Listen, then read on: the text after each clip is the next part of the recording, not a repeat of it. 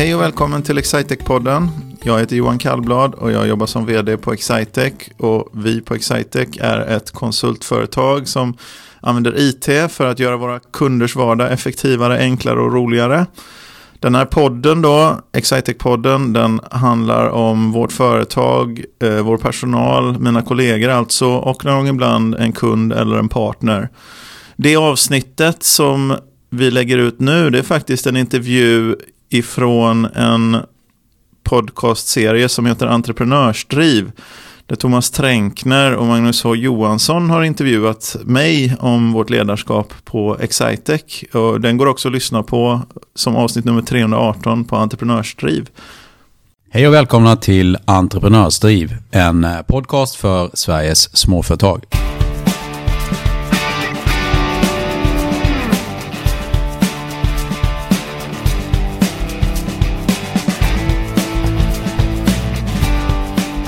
Jag heter Magnus H Johansson, är föreläsare, utbildare, författare. Och det är här vi snackar företagande och drivkrafter och jag som pratar nu heter Thomas Tränkner.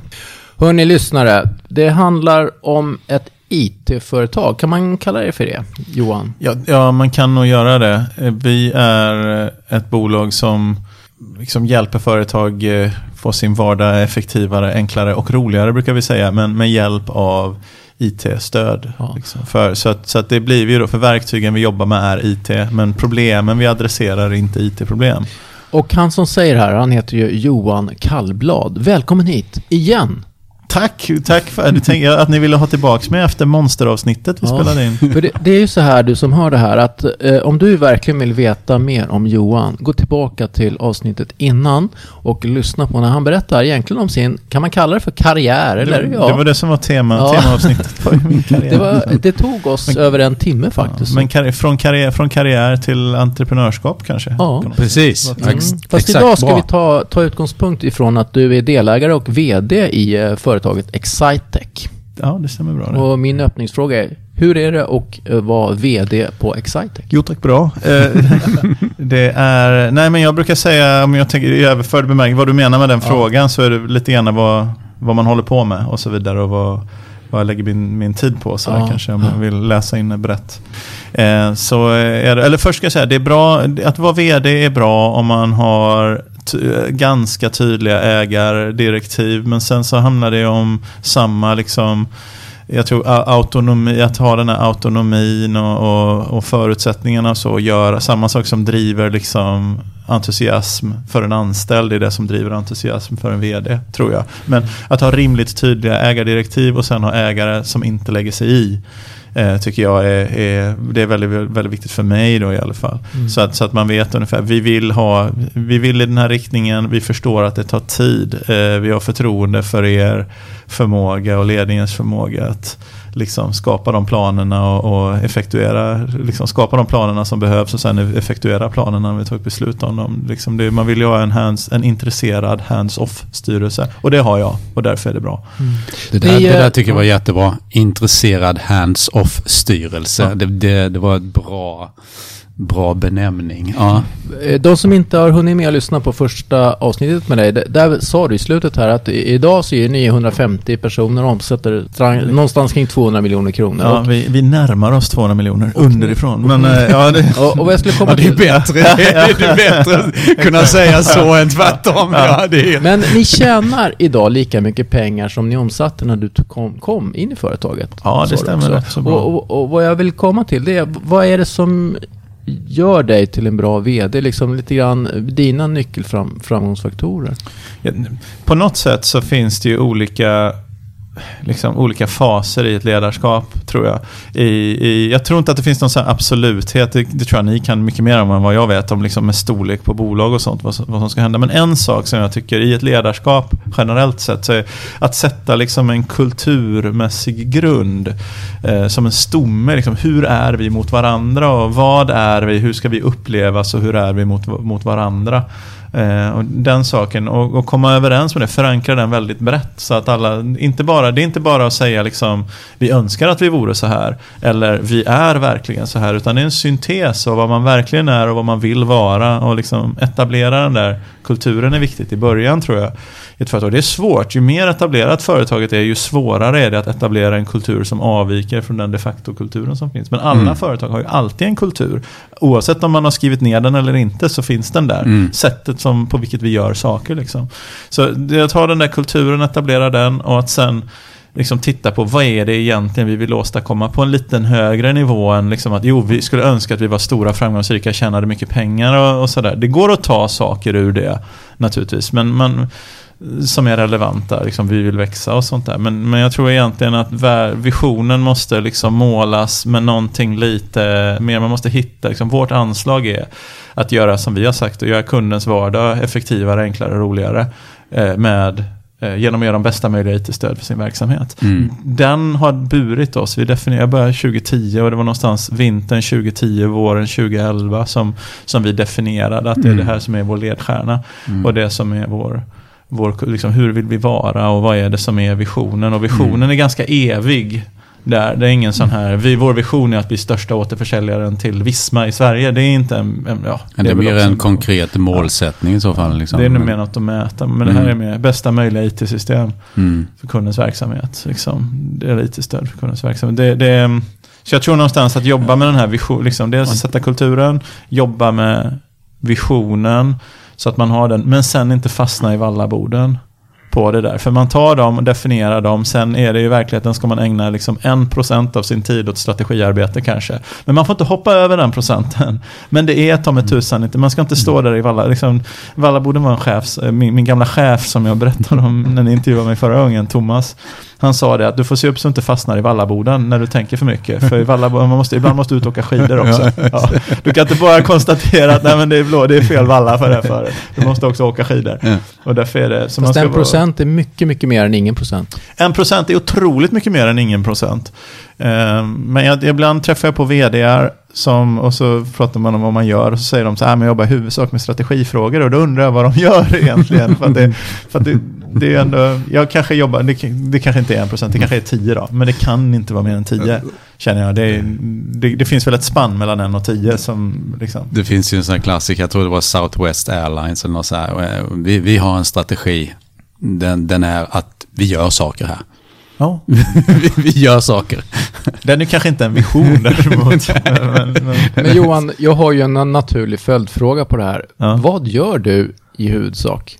På dagarna? Ja, ja på dagarna eh, på jobbet. Vet du vad, det har ändrat sig också lite. Men jag tror, så du frågar förutom bra ja. ledare. Men det, det här är, det, det är fort, så har man några grundstenar i det. Men sen vad jag gör, jag brukade rita en, en nästan för mig själv en sån här intressant modell. Som, och den skrev jag så här, att jag ska ägna Eh, jag ritade kunder i ena ändan och sen ritade jag kollegor i en annan ända och sen ritade jag externa intressenter, typ eh, styrelseägare, den typen i tredje änden. Så jag hade tre en sån intressant, intressant modell egentligen. Och då sa jag att jag ska ägna halva min tid, minst halva min tid åt de som är kunderna och de som, förbruk, liksom, de som är de som betalar våra löner och Mm. Och, och, och, den delen, det ska, vara, det ska vara halva min tid där. Och sen måste det inte vara liksom försöka sälja nödvändigtvis. Det kan vara att träffa någon som mm. använder, ägna sig åt att lösa ett mm. problem åt någon. Men av min, liksom, av min arbetstid så ska halva tiden ägnas åt dem som är, som är de brukarna av våra tjänster. Då. Sen, sa jag, de, sen ska 40% gå till att hjälpa mina chefer att ta beslut. Först var det ju att gå, 40% var, alltså vi har blivit så pass stora att vi har ett chefslager mellan mig mm. och alla. Så jag har en ledningsgrupp och ett antal chefer som jag jobbar genom då för att nå ut. Men jag ska hjälpa dem att ta beslut. Framförallt när vi gör någon inriktning och så ibland kör de fast och det händer. Men jag ska vara liksom det där 556 mm. som liksom sprayar teflonsprayen som som liksom hjälper dem att komma vidare och hjälper dem att ta beslut och hjälper dem och påminner dem om vad det var vi var överens om att de skulle göra och på, se till att det blir genomfört det som vi har mm. sagt till oss själva att vi ska genomföra. Och sen ska jag se till att lägga max 10% av min tid på ekonomisk administration, liksom prata med styrelse, prata med ägare, prata med kommunen, prata med dem, den typen av intressenter. Så den modellen har jag haft för mig själv faktiskt i nästan hela tiden. När vi hade satt den där bottenplattan så satte jag den, den modellen och försöker påminna mig om den. Och jag blir i längden olycklig tror jag om inte jag får vara ute med och träffa kunderna Mm. och prata med kunderna. Återigen, det menade jag inte att jag tillbringar halva min tid ute hos kunder, för det gör jag inte. Men, men om jag kan lägga halva min tid på att försöka skapa lösningar hos någon som kan bli en kund. Alltså det, det kan, Mm. Man gör ju kundjobb på många olika Jag skrev, plan då. jag skrev så här bara kundtid och det, Ja. det behöver inte innebära att man är tid ute hos kunden utan man lägger tid på Ja. det som hjälper kunderna Ja. på något sätt. Det, det Men- kan ju vara intern kundtid också. Men jag försöker vara ute hos någon kund någon gång i veckan. Mm. Eh, I regel i alla fall, ibland, ibland mycket mer. Men, men någon, jag försöker se till att det inte blir så att jag inte är hos någon kund. Eh, liksom. Jag försöker inte skapa för långa sträckor av tid Mm. då jag inte fysiskt träffar någon kund. Mm. Jag, Jag tror det, det där är en jättebra poäng eller jätteviktig eh, takeaway från, från det här avsnittet. mm. Om, eh, jag hörde Tom Peters, amerikansk ja, businessfilosof eller vad man ska säga. Författare och allting. Han, han sa det om, om, om inte liksom ledning och styrelse har någon koppling till den Mm. Marknad som vi eh, servar eller som vi levererar till. Om det inte finns någon koppling däremellan då är vi körda liksom. Mm. Att, eh, Jag, jag tror att jag, jag skulle nog kunna tänka mig att delegera bort de där 40 procenten där jag ska hjälpa folk att ta beslut. Jag skulle kunna tänka mig att delegera bort dem till någon annan i min ledningsgrupp snarare än vad jag kan tänka mig Mm. att delegera bort kundtiden faktiskt. Eh, tror jag. För att den är... Det är på så många plan. Både förstå vad kunder pratar om, både för att det ger mycket tillbaka. Vi har det här byggt det här verktyget, de här 150 personerna vars syfte egentligen är att göra, ge liksom, eh, kunden bästa möjliga IT-stöd för sin verksamhet. Göra deras vardag liksom, effektivare, enklare och roligare. Och sen i processen av det så tjänar vi pengar. Men syftet är ju inte, det börjar inte så här, vi ska tjäna massa pengar och sen, Mm. utan syftet var ju att göra det här som vi har sagt att vi Precis. ska, att vi ska, att vi ska göra. Och, och då har jag ska, liksom, tillsammans med kollegorna skapat det här stora, stora verktyget för det som är vår... och- Men det är ju det som är själva glädjen egentligen i, i, i för att vi kan göra massa svåra saker som vi inte kunde göra för, för ett antal år sedan. Liksom. Det är det som är Mm. vår, det är därför vi finns till. mm. Du har ju varit eh, vd nu i flera år. Finns det någonting som de som... Åtta år. Det är Åtta ganska år. många år. Ja, Mm. många år. Eh, finns det någonting under de här åtta åren som du kan rekommendera andra att inte göra? Som du har gjort? Ja, nu blir det en timme till här. Ja, det, blir en timme, det finns så mycket. Nej, men vet du vad, en sak som, jag hade ett gammalt, eh, några, några stycken sådana här som man lätt, lätt går fel sig på. En, en sak som jag faktiskt fick från min pappa, som, som sa för länge sedan, han sa generellt sett, och min erfarenhet är att liksom, lita, in, lyssna inte för mycket på det du hör, utan lita lite mer på det du ser. Så att, så att eh, liksom var lite din egen med integritet och sådär. Var lite din egen och bygg dig din egen uppfattning och ta inte, ärv inte bara andras uppfattningar. Så det är en sak. Det, det tycker jag att jag i huvudsak har gjort bra. Men sen när jag gör fel så känner jag att det var ofta det att ja, men jag såg att det här inte funkade. Jag bara lät mig luras av att en massa andra sa att det här skulle bli bra. Men jag, jag såg att det inte skulle bli bra. Jag borde litat på vad, på vad jag såg och inte på det som jag hörde någon annan säga. Men när man har tänkt så är det dags för att agera. Och när det är dags för att agera så finns det ingen anledning att inte agera direkt. Och det är ju, då är vi egentligen i vallaboden igen. Alltså agera snabbare än vad du, än vad du tror. Du kan aldrig agera för snabbt när du väl har kommit till läget. Mm. Så, så titta på dig själv och säg att nu är det dags att agera. Och då agerar man. Och då agerar man fort, så agera fortare. När jag har agerat för långsamt är det som det har blivit fel. När jag har känt att ah, just det, vi måste göra någonting åt det där och sen, men inte just nu. Ja, det, men det, nej. Mm. Om du ska ha bestämt dig för att det är dags att göra någonting åt det Mm. här så ska du göra det Mm. direkt. Mm. Det är ju samma som liksom om jag är lite mjuk runt magen och tänker jag borde nog springa. Då ska, behöver jag inte gå först och göra träningsprogram och googla på olika sätt. Utan jag kan bara gå ut och springa. Om jag inte orkar springa kan jag gå. Orkar jag inte gå så kan jag gå ut och göra någonting. Liksom, Mm. Jag börjar agera direkt. Det finns Mm. ingen motsättning mellan agerandet och problemlösningen. Mm. I regel. För du vet egentligen, när du har kommit till, du vet nog egentligen vad problemet är. Du bara klarar inte riktigt av att ta tag i det Mm. lite för ofta. Du, då syftar jag på mig själv. Du pratar ju väldigt mycket om att du gillar att vara ute hos kunderna. Men idag är ju i varje fall IT-branschen väldigt beroende av framgång i rekryteringen och har rätt Mm. människor. Ägnar du inte mer tid egentligen än vad du tror åt just den här frågan att hitta Ja. rätt människor? Jag räknar den tiden som de 40 procenten som jag hjälper människor. Så att jag jobbar med rekrytering en del. Eh, jag lyssnade på en tidigare podd som ni hade gett ut med någon som beskrev hur de ringde runt bland kandidater och letade och så. Det gör jag inte överhuvudtaget, aldrig. Eh, utan jag vill, alltså jag känner ju så här, vi gör ju något viktigt. Till skillnad från alla, från väldigt många som säljer resurskonsulter. Jag, så här, jag känner att vi gör ju någonting, vi skapar ju någonting här. Vi ska ju skapa ett värde för kunderna, det här är ju viktigt, det borde du känna. Om du, du borde komma till oss. för att ge dig en miljö i vilket du kan få göra det. För har du, blivit den här, har du fått den här av Gud givna talangen att tillverka liksom vacker programvara vackra IT-lösningar. Du vill inte slösa bort det på att bygga dataspel eller att bygga något annat skräp som inte används. Då vill du göra riktiga saker som ändrar. Du vill vara en del av, att- av att skapa riktiga användbara bra saker. Du borde känna det. Och då tror jag att, att en del människor appelleras av det där Ja. och en del gör inte det. Liksom. Och, de, och där har vi en gallring som händer ganska, så ganska ofta i våra processer är det så att när vi, när vi pratar med någon och når fram med det här, i regel så blir det så att personen vill jobba hos oss och då har vi en process att se ifall personen håller måttet. Eh, eller så vill personen antagligen väldigt tidigt känna, nej men det här är inte jag. Och då är den inte med i processen, då träffar Nej. inte jag dem i regel. Så, så den här processen, jag, jag, det här övertygandet om att få människor att, börja jobba hos oss, det ägnar jag nästan ingenting åt.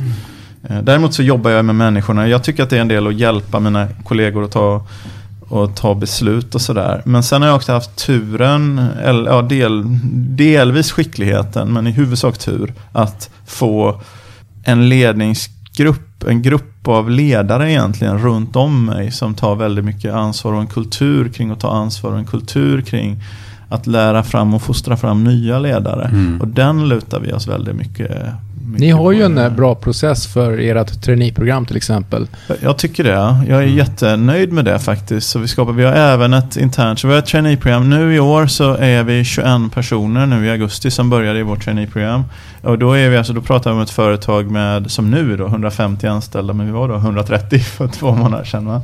Så vi pratar om att ja, vi har 15-20% liksom av bolagets storlek i vårt eh, traineeprogram. Och det har vi haft nu, det är sjätte året. Vi, vi har ett traineeprogram då. Det gick från tre, fyra personer i början till upp till över 20 nu då. Så där har vi en, en, en bra kulturprocess. Men sen har vi också ett internt ledarskapsprogram som tar vid. När de har jobbat två år säger vi ungefär. Då, om man är intresserad så får man gå ett internt ledarskapsprogram som är ett tvåårigt eh, ledarskapsprogram där vi jobbar med, eh, först ett år då vi jobbar mer med jaget. Då är man en ledare och feedback och sådana klassiska verktyg, nästan lite UGL Mm. typ av verktyg. Och sen jobbar man ett år mer med vår affär. Liksom, hur ser affärsmodellen ut för vårt företag? Hur är, liksom, vad är, hur är vår säljprocess? Och, hur, och, och mer de här externa sakerna eh, och, och för att fostra. Och jag har gjort nästan hela min ledarrekrytering som jag har gjort de senaste åren, då vi ändå har fortsatt växa. Då. Nästan hela ledarrekryteringen eh, är från alumnier från vårt interna eh, ledarskapsprogram. Mm. Jag tror jag anställt sex eller sju chefer ur det programmet. Mm. Kanske anställt en eller två externt under samma tid. Så, att, så att det gör, att eftersom vi har den här kulturgrunden som sitter och vi delar någon värdegrund och vision tror jag. Så gör det att jag, det går ganska enkelt för mig mycket av de interna frågorna då. Så, så men visst absolut, jag älskar ju att träffa dem och omborda nya människor. Och, och, och så vidare då. Men, men de har blivit så rackarns duktiga mina kollegor på att vaska fram Mm. kandidater så de frågar mig inte lika ofta som de brukade. Vet du vad, en annan sak som tar en del tid för oss nu, det är som borde vara med i min, om jag skulle göra en ny intressentmodell, det är faktiskt partnersamverkan. Och jag vet inte, de, de ser jag mer kanske nästan på kundsidan. För vi gör Mm. då programvaror. Det har blivit mycket, mycket mer så att vi jobbar i samklang med partners om olika kampanjer. Alltså partners för oss är någon som tillverkar en specifik programvara. Då.